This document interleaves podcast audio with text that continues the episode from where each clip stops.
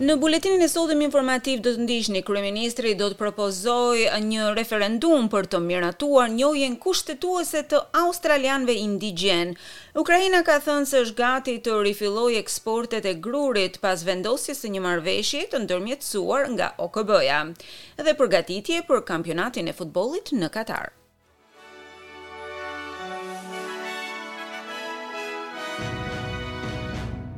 Fillojmë gjerësisht me lajmet. Kryeministri Anthony Albanese ka zbuluar formulimin e propozuar të pyetjes që do t'i shtrohet popullit australian si pjesë e referendumit për ndryshimin e Kushtetutës. Pyetja formulohet si më poshtë, A e mbështesni një ndryshim të Kushtetutës që do të krijonte një zë indigjenësh dhe personave me prejardhje nga Torres Strait? Kryeministri mori pjesë në festivalin Garma në Arnhem Land, në të cilin po marrin pjesë edhe udhëheqës indigjenë nga i gjithë vendi. Friends, I am delighted to be back at Garma for my fourth visit and I am delighted that Garma is back here. Miq, jam më se lumtur që jam kthyer në Garma për herë të katërt. Jam dhe më se lumtur që Garma është hapur përsëri. Kjo ka qenë dhe do të jetë gjithmonë tokë indigjene. Sot konfirmoj qëndrimin e Qeverisë sime, premtimin tim solemn për zbatimin e plotë të Deklaratës së Uluru nga Zemra. Gëzuar.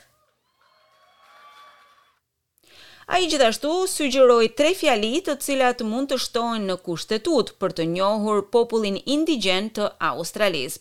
Këtu përfshihet krijimi i një organi të veçantë të quajtur Zëri i personave nga ishujt Torres Strait dhe indigjen, i cili mund të bëjë përfaqësime në parlament, në qeverinë ekzekutive në lidhje me çështje që kanë të bëjë me komunitetin indigjen. Gjithashtu, zoti Albanese e ka bërë të qartë se këto fjalë të propozuara janë një draft i cili mund të shihet si hapi i parë në diskutimin për ndryshimin e Kushtetutës. Zoti Albanese thotë se referendumi është një pengesë e madhe për t'u tejkaluar, por ndjehet optimist për suksesin e tij, duke thënë se është një mundësi e madhe për të gjithë australianët. Kushtetuta australiane mund të ndryshohet vetëm me anë të një referendumi. Vetëm tetë nga dyzet e katër referendumet që janë ndërmarrë në të kaluarën në Australi kanë qenë të suksesshme.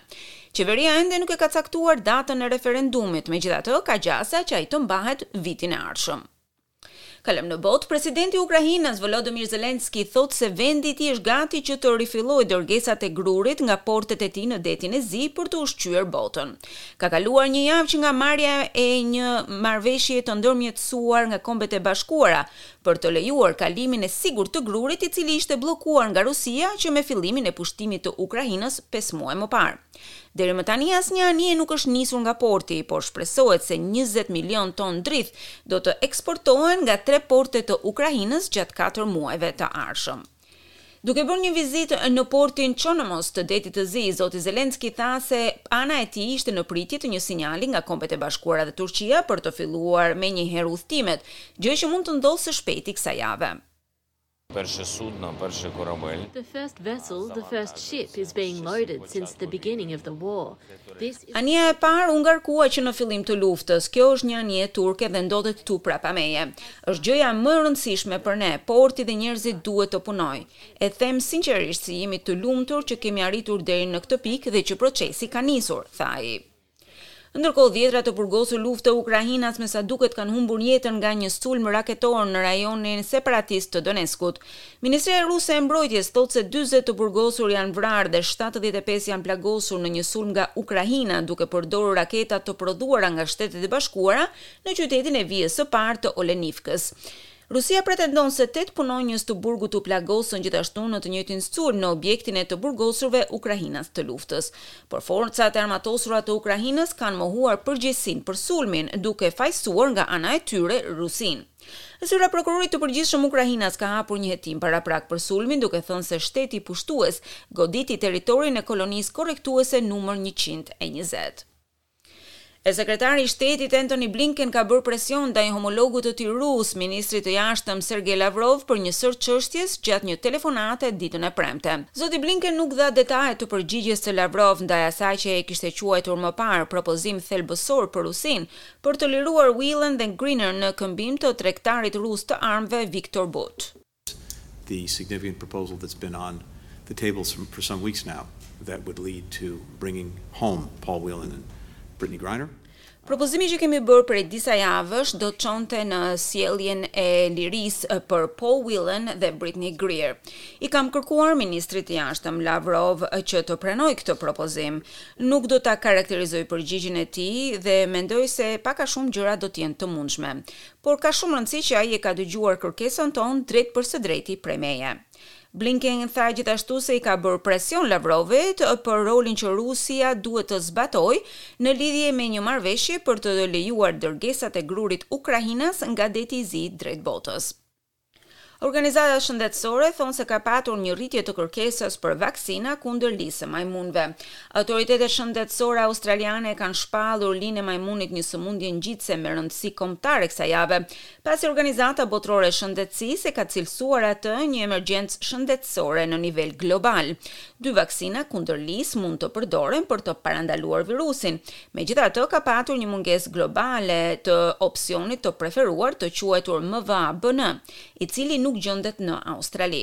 Peter Locke nga klinika më e vjetër shëndetësore në Australi, Thorne Harbour në Melbourne, thotë se meshkujt homoseksualë dhe biseksualë, të cilët konsiderohen me rrezik të lartë për virusin, janë të prirur të vaksinohen, por shumica e klinikave nuk e kanë akoma këtë vaksinë. Autoriteti i Zjarrfikëseve ka rritur shërbimin e edukimit në terren pas rritjes së një numri zjarresh nëpër shtëpitë e qytetarëve gjatë dimrit. Janë raportuar më shumë se dy mijë e tetëqind zjarre në të gjithë vendin këtë vit me trembëdhjetë viktiva në New South Wales, dhjetë në Victoria, pesë në Australinë Perëndimore dhe një në Australinë e Jugut dhe Tasmania. Anëtarët e zjarrfikësve dhe të shpëtimit në New South Wales kanë trokitur nëpër dyer në komunitetet lokale duke kontrolluar dhe instaluar alarmet e tymit dhe duke shpjeguar disa nga shkaqet kryesore të zjarreve nëpër shtëpi. Ndihmës komisioneri i sigurisë në komunitet Trent Curtin thotë se një pjesë e madhe e punës së këtij ekipi është për të sjellë mesazhin e sigurisë ndaj zjarrit te komunitetet shumëkulturore.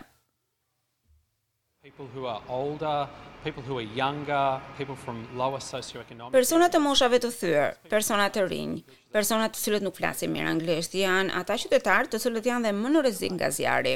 Kemi parë një sërë rreziqesh në këtë sezon dhe për fat të keq, presionet e kostos mbi familjet kanë bërë ato që njerëzit të sjellin ngrohjen e jashtme brenda shtëpisë, të sjellin barbecue-s apo pajisje të gatimit brenda shtëpisë E për fat të keq kjo krijon rreziqe mbi komunitetin, tha ai.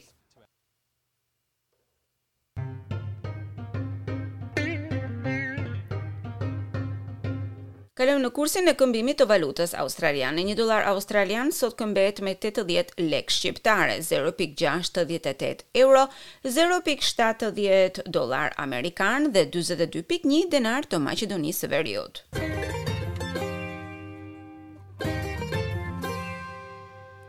Kalojmë në sport, kampionati botëror i futbollit Katar 2022 do të nisë në datën 21 nëntor dhe finalja do të zhvillohet në datën 18 dhjetor.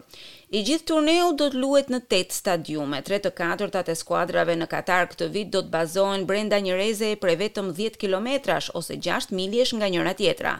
Kështu ka thënë organizatori që qeveris futbollin botëror, ndërkohë që ka njoftuar hotelet dhe vendet e stërvitjes për tridhjetë e dy skuadra.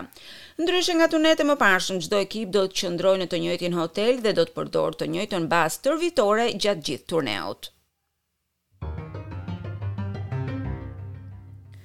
Dhe kalojmë në parashikimin e motit. Sot nëpër qytetet australiane janë regjistruar këto temperatura: Sydney gjashtë, pesëmbëdhjetë, Melbourne një, katërmbëdhjetë, Brisbane nëntë, njëzet, Perth dhjetë, gjashtëmbëdhjetë, Adelaide tetë, shtatëmbëdhjetë, Canberra minus gjashtë, dymbëdhjetë, Hobart dy, dymbëdhjetë dhe Darwin nëntëmbëdhjetë, tridhjetë e një, gradë Celsius. Për nesër, Byroja e Parashikimit të Motit sjell këto temperatura, Sydney pesë, tetëmbëdhjetë, Melbourne tetë, katërmbëdhjetë, Brisbane dymbëdhjetë njëzet e një, Perth shtatë shtatëmbëdhjetë, Adelaide dhjetë pesëmbëdhjetë, Canberra minus tre dymbëdhjetë, Hobart katër trembëdhjetë dhe Darwin nëntëmbëdhjetë tridhjetë e dy gradë Celsius. Ndoqët edicionin informativ.